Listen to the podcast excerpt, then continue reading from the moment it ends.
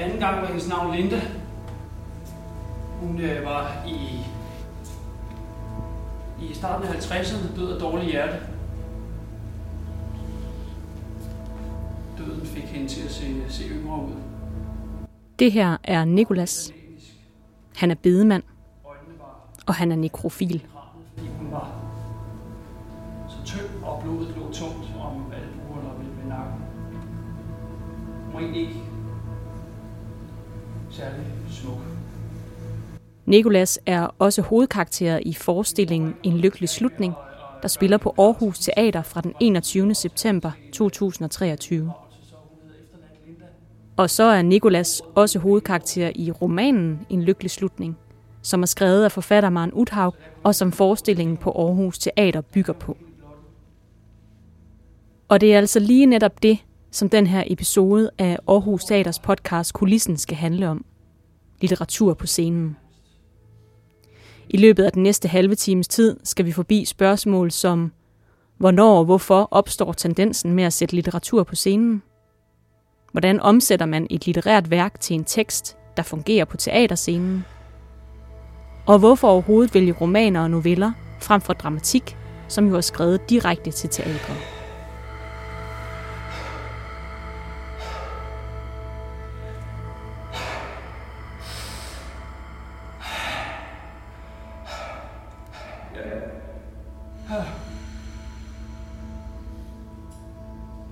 Det er ensemble-skuespiller Christian Hetland, der lægger krop og stemme til den nekrofile Nikolas. Og hvad en lykkelig slutning mere præcist handler om, skal du nok få svar på lige om lidt. Jeg hedder Louise Sejer Højemark, og jeg er vært her på kulissen. Tak fordi du lytter med.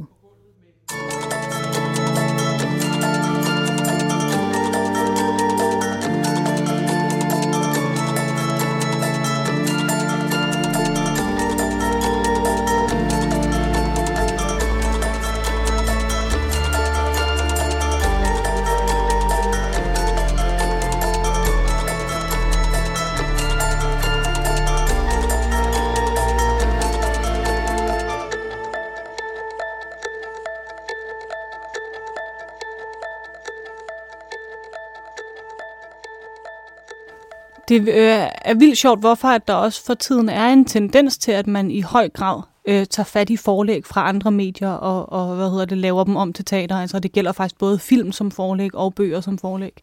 Stemmen her tilhører Sigrid Johannesen. Og øh, jeg oplever, at det på sin vis... I talende stund er Sigrid ved at iscenesætte Maren Uthaugs bestsellerroman En lykkelig slutning.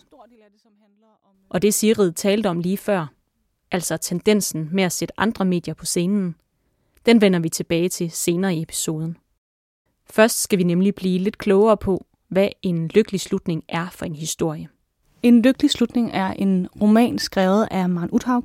Øh, og i romanen der møder vi bedemanden Nikolas, som kommer fra en helt slægt af øh, bedemænd.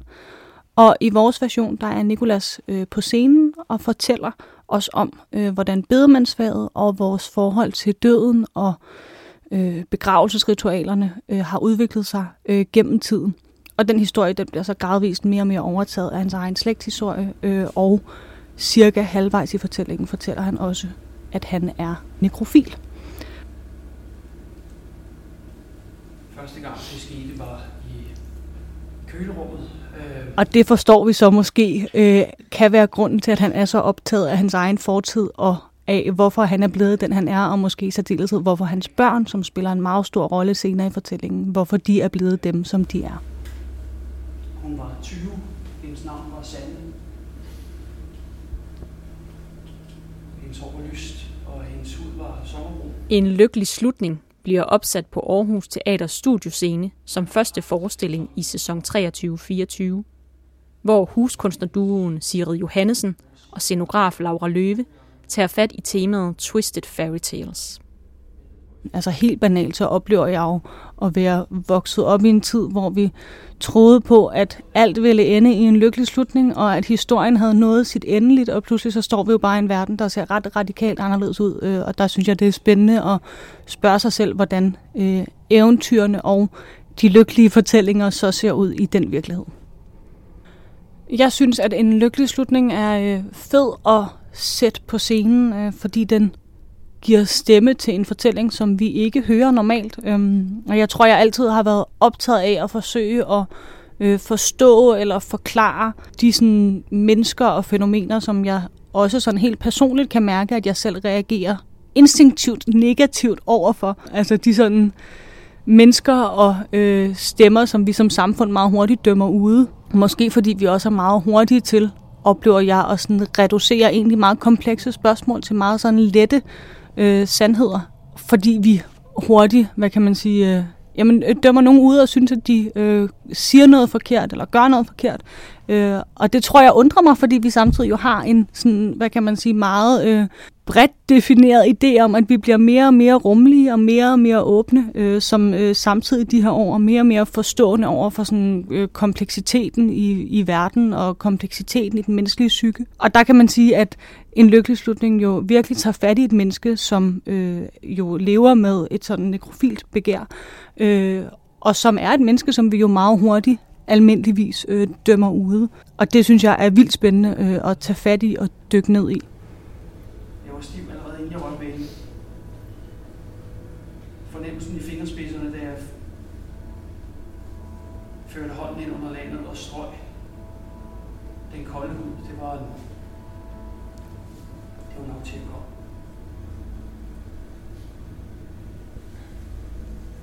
Så stod der der, da forfatter Maren Uthaug skrev En lykkelig slutning, var det jo i romanform.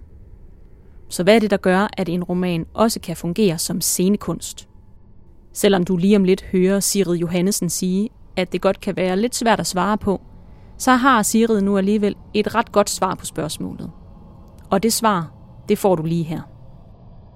Jamen, grunden til, at jeg øh, oplever, at en lykkelig slutning er spændende og øh, tage fat i og gøre til øh, scenekunst, øh, er egentlig sådan på en måde sært at svare på, og det er sjovt. Jeg synes tit, man øh, bliver bedt om at tage stilling til det, når man har taget fat i en roman, og på en måde så oplever jeg jo, at ens arbejde ikke adskiller sig så meget fra det arbejde, man øh, som, som instruktør laver, øh, hvis man for eksempel har fat i en klassiker, eller har fat i et andet type dramatisk materiale. Altså jeg oplever egentlig, at grundarbejdet er det samme, altså at man spørger sig selv, jamen, hvad er det i den her først og fremmest, hvad er det i det her tema, som jeg synes, jeg kan folde ud. Og om temaet så på en måde kommer fra en bog, eller fra en avisartikel, eller fra en samling af øh, øh whatever interviews med almindelige mennesker, det er sådan på en måde, synes jeg, er lidt underordnet. Øh, og så kan man så sige, at der jo helt klart er nogle romaner, der har nogle litterære træk, som, som gør dem særligt egnede til, eller i hvert fald særligt sådan oplagte til at omdanne til scenekunst. Øh, fordi jeg, jeg mener virkelig sådan helt oprigtigt, at man kan lave alt, man har lyst til, til øh, scenekunst, og også til fed scenekunst. Men helt klart, altså, øh, er der for eksempel øh, har du en roman, som har øh, mange karakterer, enten øh, sådan et realiserbart antal karakterer, øh, altså det vil sige et, et antal karakterer, som man kan løse med et ensemble, som ikke er alt for stort, eller et, en roman, som, som hvad kan man sige, har nogle oplagte beskæringsmuligheder, hvor du nemt kan slå nogle karakterer sammen. Det gør helt klart, at man vil mene, at de er mere oplagte til at lave teater. På samme måde, øh, hvis du har en roman, som er meget dialogborget, så øh, er det klart, at den også tit vil opleves som sådan lige til højre benet og dramatisere, fordi man har øh, hvad kan man sige, replikker i forvejen, man kan tage øh, udgangspunkt i.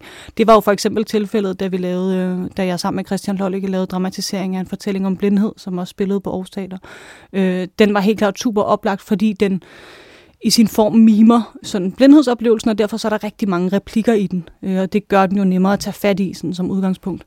Og så er der jo så den øh, sådan tredje, det tredje træk, som på en måde kan gøre en roman meget oplagt at tage fat i, nemlig hvis de har en, hvad kan man sige, øh, og der er også alle mulige andre grunde, men det er sådan særligt de tre ting, jeg oplever, kan gøre det meget nemt i hvert fald, eller meget lige til højre benet. Øhm, og den tredje ting er jo, hvis man har en roman, som har en enten stærk fortællerstemme, eller egentlig bare stærkt øh, personligt sprog, som, som gør den oplagt til at altså oplagt at dramatisere til at være en øh, monolog. Øh, og det er jo tilfældet med en lykkelig slutning, altså som, som meget tydeligt er fortalt fra vores øh, hovedkarakter Nikolas' point of view, og det er hans personlige fortælling, man hører hele vejen igennem. Øh, og han har en meget øh, særlig nærmest nogle steder sådan talesprogsagtig sprogtone, øh, som, som gør, at, at læseoplevelsen øh, på sin vis minder om at høre en monolog. Øh, og, og det gjorde den sådan på, på den måde særlig oplagt. Øhm, men, men jeg mener helt klart, at, at man altså nærmest kunne tage hvad som helst og lave det om til dramatisk materiale. Her forlader vi Sigrid Johannesen for en stund og skruer tiden tilbage til 1930'erne. Her skal den på det tidspunkt nogle 30-årige tyske dramatiker, lyriker, litteraturteoretiker og instruktør Bertolt Brecht vise sig at være den, der baner vejen for at sætte litteratur på scenen. Ikke dermed sagt, at det ikke er blevet gjort før 1930'erne, men det er altså herfra, det for alvor tager fat. Og den del, den vender vi tilbage til lige om lidt. Først skal vi nemlig have på plads, hvad det er, Bertolt Brecht helt præcist gør i 1930'erne. Og det han gør, det er, at han definerer teaterformen episk teater. Episk teater står i modsætning til dramatisk teater, der indtil 1930'erne har været tidens dominerende teaterform. I dramatisk teater er fortælleren gjort usynlig. Publikum skal gerne kunne identificere sig med rollefigurerne, og selve dramaet er koncentreret om handlende personer og konflikter. Et kendt eksempel det er et dukkehjem fra 1879 af den norske dramatiker Henrik Ibsen. I et dukkehjem bryder den kvindelige karakter Nora ud af sit ægteskab og forlader både sin mand Helmer og parets børn for at vinde sin personlige og moralske frihed. Den klassiske opsætning af et dukkehjem er et naturalistisk drama, men havde det været et episk teaterstykke, ja, så havde der måske været direkte henvendelser til publikum, en fortæller eller nogle afsides replikker, som kunne vise publikum, at der altså var tale om teater og ikke virkelighed. Dramatisk teater står på skuldrene af aristotelisk teater, som er den dramaform, der beskrives i den græske filosof Aristoteles' Poetikken fra ca. 325 f.Kr. Det handler om, og nu citerer jeg fra Gyldendals teaterleksikon, en logisk sammenhængende spændingsopbygning, der ender med en konfliktløsning. Aristotelisk teater er desuden på mange måder stiliseret ved brug af vers, korsange osv. Og nu tilbage til Bertolt Brechts episke teater.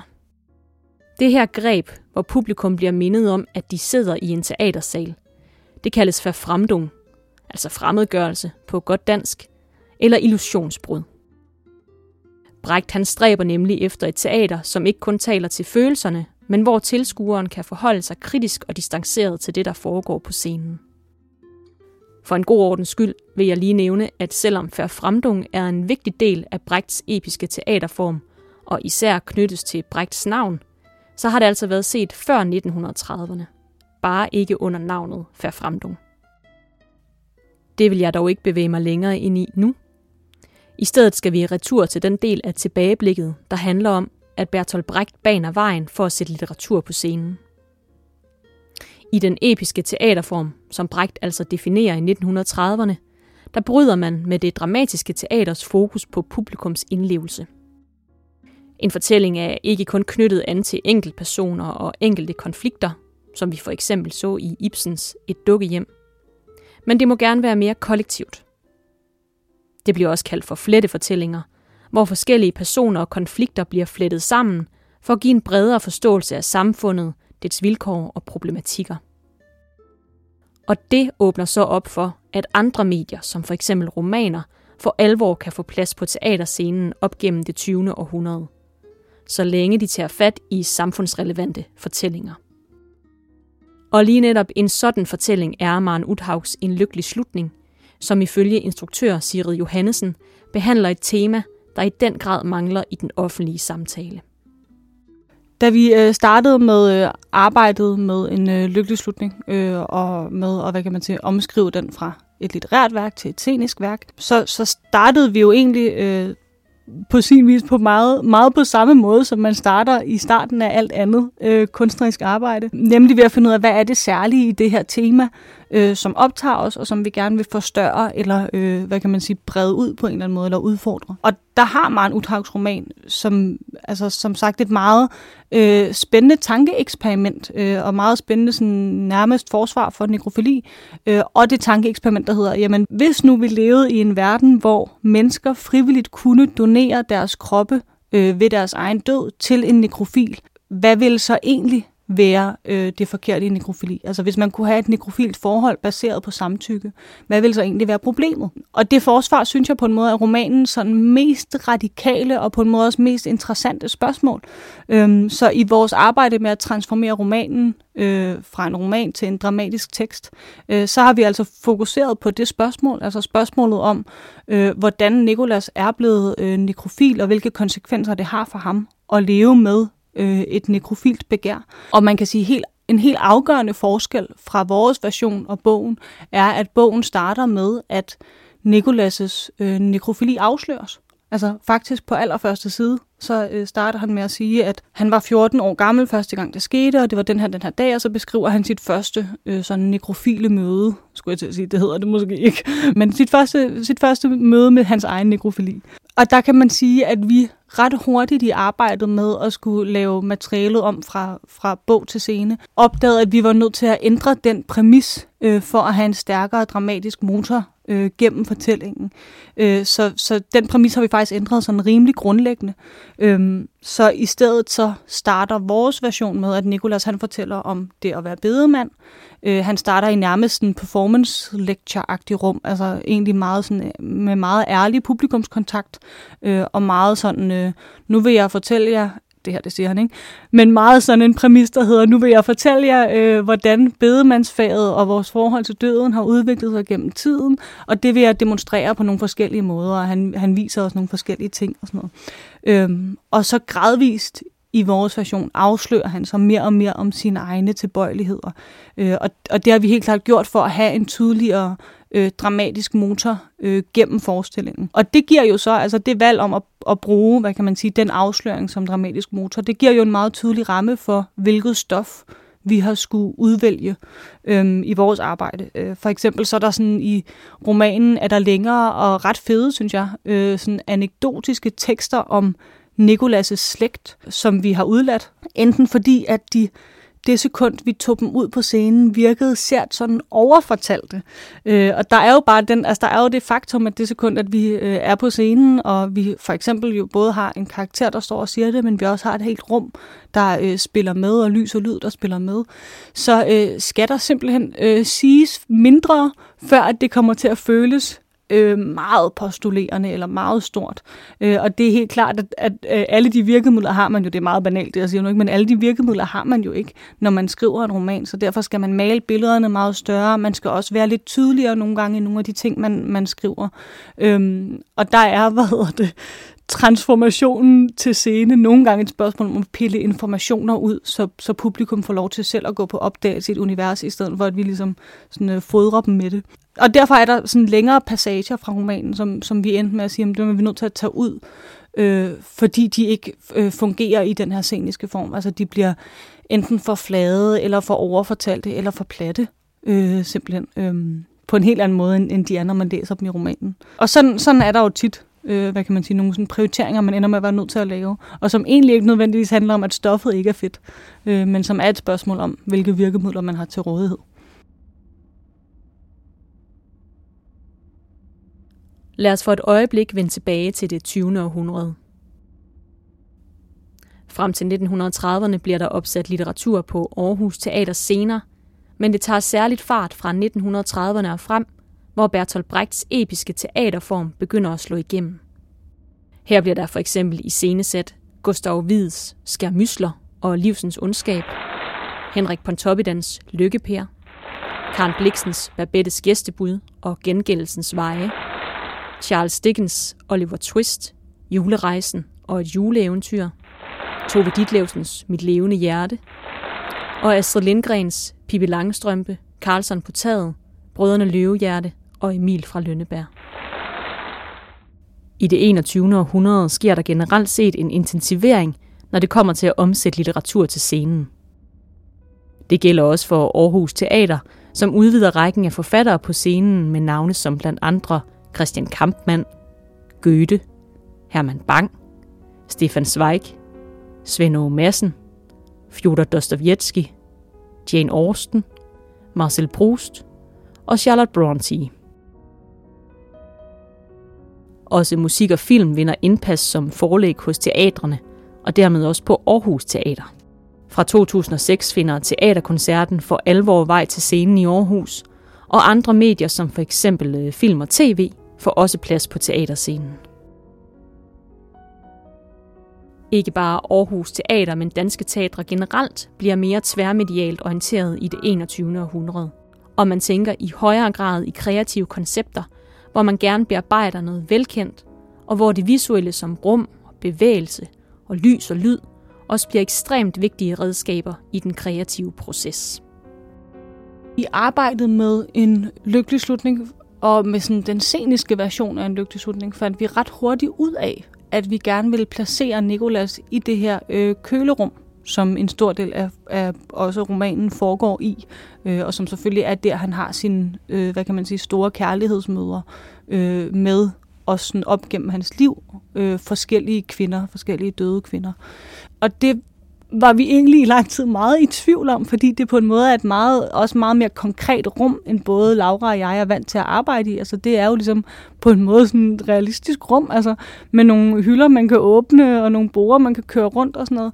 Men, men jeg tror, vi har været øh, ret tidligt, var vi interesseret i øh, at undersøge den, hvad kan man sige, dobbelthed, som jeg også synes, der ligger i bogen, nemlig dobbeltheden mellem øh, de her sådan ekstrem på nogle punkter sådan lidt tørre fakta, øh, og øh, hvad kan man sige, det her bedemandsmiljø, som jo har et ekstremt usentimentalt forhold til døden, og så sådan kontrasten fra det miljø til øh, kærlighedsfortællingen, som jo er øh, sanselig og øh, sensuel, og øh, jo helt anderledes, øh, meget subjektiv og meget lidt objektiv i sin, i sin sådan, grundværen. Øh, og det tror jeg, vi har været interessant, eller interesseret i at sådan spænde ud i det rumlige koncept, altså så, så ved ligesom at få et rum, som insisterer meget på det her ekstremt øh, kliniske, så øh, oplever jeg, at vi flere gange får foræret det der clash mellem øh, hvad kan man sige, den dagligdag, som Nikolas, vores hovedperson, også har, som bærer præg af sådan nogle kliniske handlinger, og jo er en omgang med lige, som vi sådan, som samfund har vedtaget. Den synes vi er okay. Altså, vi synes, det er okay, at man jo også nogle gange skal gøre ret voldsomme ting ved lige. Altså nogle gange så hvis dødstivheden har indtruffet, hvor folk har siddet i mærkelige positurer eller sådan noget, så nogle gange skal man jo knække deres, altså ligesom brække dødstivheden ud af dem. Også bare sådan noget helt banalt som at vaske døde kroppe og sådan noget. Altså, der er jo mange ting, som vi har vedtaget, eller øh, sy sorg sammen og sådan noget. Der er mange ting, vi har vedtaget, at det, det gør vi, og det er en almindelig del af det at omgås med et lig. Men for eksempel at age et lig meget blødt hen over hovedet og kyste, det, øh, det synes vi ligesom ikke altså selvfølgelig synes vi, det er okay, at nogen kysser deres afdøde mor farvel, men at gøre det med sådan en seksuel intention, det synes vi ligesom ikke er okay. Øh, og jeg tror, at den, den spændvidde har vi været interesseret i at, at tematisere også rumligt, ikke? Øh, så man hele tiden har nogle, hvad kan man sige, sådan kærligheds øh, symboler, øh, og egentlig også bare kærlighedsfortællingen øh, som kontrast til det her meget kliniske rum. I begyndelsen af den her episode, der hørte du Sigrid Johannesen fortælle helt kort om, at der er en tendens i tiden til, at man i høj grad tager fat i forlæg fra andre medier, som for eksempel bøger og film, og laver dem om til teater. Nu har du fået det historiske tilbageblik, der måske kan give en del af svaret på, hvorfor. Så derfor er det nu blevet Siris tur til at fortælle, hvad tendensen i hendes optik handler om. Altså, jeg oplever faktisk, at der øh, er en stor del af det, som handler om øh, kulturpolitik, og som handler om de øh, midler og ressourcer, vi har til at udvikle dansk dramatik øh, i dag. Øh, og som øh, betyder, at i min oplevelse, øh, og der er helt sikkert nogle dramatikere, som har en anden analyse end mig, men, men når jeg sidder som instruktør, så oplever jeg faktisk, at øh, man sjældent tilbyder dramatikerne de udviklingsforløb øh, og den tid og den økonomi, det egentlig kræver at skrive dramatik er højt nok øh, kvalitet, fordi det tager lang tid. Øhm, så hvis jeg skal være sådan helt hård, så tror jeg, at, at en del af det i hvert fald også handler om, at man ved at vælge et øh, eksisterende forlæg, øh, får lidt nemmere vej til, til det endelige produkt. Øhm, og derfor så er meget af, af, hvad kan man sige, meget af det, der er allerhøjest kvalitet i dag, altså når man står, står mellem og skal vælge mellem øh, et nyskrevet dramatisk værk, og så øh, en film, som for eksempel måske har haft en udviklingsperiode på 10 år, øh, eller en roman, som måske nogen har været også flere år om at skrive, øh, eller et nyskrevet dramatisk værk, man skal bestille, og kun har x antal måneder til at aflønne en dramatiker øh, til at skrive. Så øh, kan jeg egentlig godt forstå, at man ender med at sige, at hvis man vælger en roman, så ved man, hvad man får. Øh, et vist stykke hen ad vejen, ikke? men det er jo en sådan kvalitetsgaranti. Øh, og, og det er også, der er kortere vej fra romanen og så til det, det endelige færdige sceniske materiale, altså færdige sceniske tekstmateriale. Så det tror jeg er en del af det, og som, som er sådan lidt en kedelig forklaring. Øh, så er der helt klart også den anden forklaring, og som jeg tror handler om øh, en nysgerrighed generelt i vores tid efter at lade øh, de rigtig fede fortællinger udspille sig i andre medier, altså at undersøge andre typer af hvad kan man sige, sådan, øhm, potentialer i et univers eller i en fortælling ved at øh, lade det udfolde sig øh, på scenen pludselig. Øh, altså det er jo helt klart, det åbner for andre fortolkninger og andre typer af nuancer og alt sådan noget, som jo er vildt fedt. Så det tror jeg selvfølgelig også er en del af det, og så er der helt klart også en del af det, som jeg oplever handler om at tappe ind i øh, andre typer af publikumsgrupper. Øh, og det er selvfølgelig klart, at det sekund, at man har en titel, som nogen kender, så, så kan det være, at der pludselig kommer nogen ind i teateret, som ellers ikke ville have været kommet i teateret. Så der er selvfølgelig også noget med, at man gerne vil tappe ind i andres andres publikumsgrupper på en eller anden måde, ikke? eller andres brands, eller øh, kendte titler. Øhm, men det er på en måde en lidt kedelig forklaring, øh, hvad hedder det, og det er ikke for at sige, at der bliver skrevet rigtig meget dramatik, også af rigtig høj kvalitet, men, men det er helt klart, det tager helt klart en anden type tid, øh, oplever jeg, end, end vi typisk har. En lykkelig slutning af Maren Uthaug, dramatiseret af Sigrid Johannesen og Tine Foss Ilum. Sådan står der på forsiden af det manuskript, som indeholder de ord, skuespiller Christian Hetland fremfører i forestillingen En lykkelig slutning. Manuskriptet er jo ikke en til en med romanen af Maren Uthaug. Så hvordan bearbejder man egentlig en roman, så den passer til scenen, men stadig har respekt for det oprindelige værk? Det giver Sigrid Johannesen sit bud på nu. Tit når man øh, hvad hedder det, bearbejder en, øh, en roman eller et andet oplæg, så har man jo tit en eller anden type øh, rettighedsaftale. Altså så tit har man lavet en aftale med rettighedshaver om, hvad man må gøre. Og det kan være forskelligt, hvor, hvor stram den er. Men, men øh, i det her tilfælde har vi for eksempel fået en aftale, som jeg mener, og det er der egentlig ikke nogen, der må sådan ægte citere mig for, vel, men jeg mener, sagt helt med kun mit eget hoved på blokken, at den har sådan en ordlyd, der er noget, eller at vi skal dramatisere tro mod bogens ånd. Øh, og i virkeligheden, så synes jeg faktisk, at den rettighedsaftale, den, sådan, øh, den burde være sådan, som alle lød, fordi jeg tror egentlig, at det er det, som, som jeg også sådan helt øh, personligt er interesseret i, når man vælger at også for eksempel sige ja til at dramatisere en, en øh, roman, så, så synes jeg jo, at man er nødt til at øh, have den respekt for det oprindelige værk, at der i hvert fald er noget i ånden eller i kernen af romanen, eller det andet, hvad end, hvad end forlægget er, ikke? som man synes er interessant, og at man i hvert fald øh, gør sig umage for at finde ind til, øh, hvad der er i den kerne, som man synes kan noget. Øh, men når det så er sagt, så, så tror jeg jo nogle gange på, at den kerne nogen, i nogle tilfælde kommer bedst ud ved, at man gør også nogle gange ret radikale ting ved grundmaterialet. Altså, øh, fordi der jo i den der transformation fra læseoplevelse til scene, øh, nogle gange kan det jo kræve nogle ret store greb, øh, og, og som hvis man er 100% tro mod den oprindelige fortælling, vil føles lidt som en voldtægt af den oprindelige fortælling, men, men som øh, jeg jo tror på i sidste ende kan være med til faktisk at gøre, at man forstår det, som den oprindelige fortælling egentlig ville øh, i en ny kontekst. Altså det, der har været øh, på sin vis udfordrende, men også vildt spændende ved en lykkelig slutning, øh, og ved at skulle lave den transformation fra roman øh, til scene, eller egentlig bare ved at lave det sceniske værk. Det har været, altså dels har det været to ting. Dels har vi, eller, eller det har været to ting. Dels har vi virkelig øh, kæmpet med øh, slægtshistorien i romanen, som fylder helt vildt meget i romanen, og som øh, er vildt fed, oplevede jeg, da man læste den, men som scenisk ikke nødvendigvis sådan er det allermest interessante øh, materiale. Øh, så, så vi har virkelig skulle øh, arbejde ret øh, tekstnært i at finde ud af, hvor meget af den slægtshistorie, man skal have med, for stadig at forstå, hvordan vores forhold til døden og forhold til begravelsesritualer og sådan noget, hvordan det har udviklet sig gennem tiden. Stadigvæk også at forstå, at der er noget i Nikolas' slægt, som er nedarvet og som er gået igen, og en fornemmelse af, at der er, hvad kan man sige, en eller anden type, jeg skulle sige forbandelse, men sådan forstå mig ret ikke, men som hviler over den her slægt. Og den balancegang mellem, hvor lidt, altså hvor lidt af den slægtshistorie kan vi have med, så det stadig er scenisk interessant, samtidig med, at vi får fortalt de ting, som er vigtige for at drive fortællingen videre. Den har været vildt svær at, at finde, øh, og jeg, jeg er helt ærligt meget spændt på, om vi har fundet den, men øh, det håber jeg. Øh, og så er det andet faktisk, som jeg synes er sådan... Øh, specifikt en sjov udfordring, når, når det kommer til den her roman, det er faktisk, at vi kan se, at rigtig mange af dem, der øh, har købt billet til forestillingen, det er nogen, der er fans af Maren Uthaug. Og det er sjovt, fordi samtidig ved vi jo, at der også vil komme øh, en stor del af publikum, som, som er, hvad kan man sige, Aarhus Teaters almindelige publikum, og som ikke nødvendigvis kender den her roman overhovedet. Øh, og selvfølgelig så har man altid publikumsgrupper øh, med forskellige typer af forhåndskendskab til, hvad de kommer ind og ser. Men det er sjovt, det er sjovt synes jeg, øh, der hvor vi også er i processen lige nu, at stå med et værk, som så specifikt kommer til at have nogen i salen, højst sandsynligt hver aften, som har et så indgående kendskab til det her tema, som man jo har, hvis man har læst romanen, versus så samtidig også at have nogen, som intet ved om det her tema. Øh, og det er en sjov balancegang, hvordan man ligesom skal honorere, at begge dele af publikum jo får en vild fed oplevelse. Øh, og, og på sin vis er vi nærmest nået til, at vi bare må sige, at det, det må, det må vi ignorere, og så må vi lave den fedeste forestilling, øhm, som man jo i øvrigt altid skal.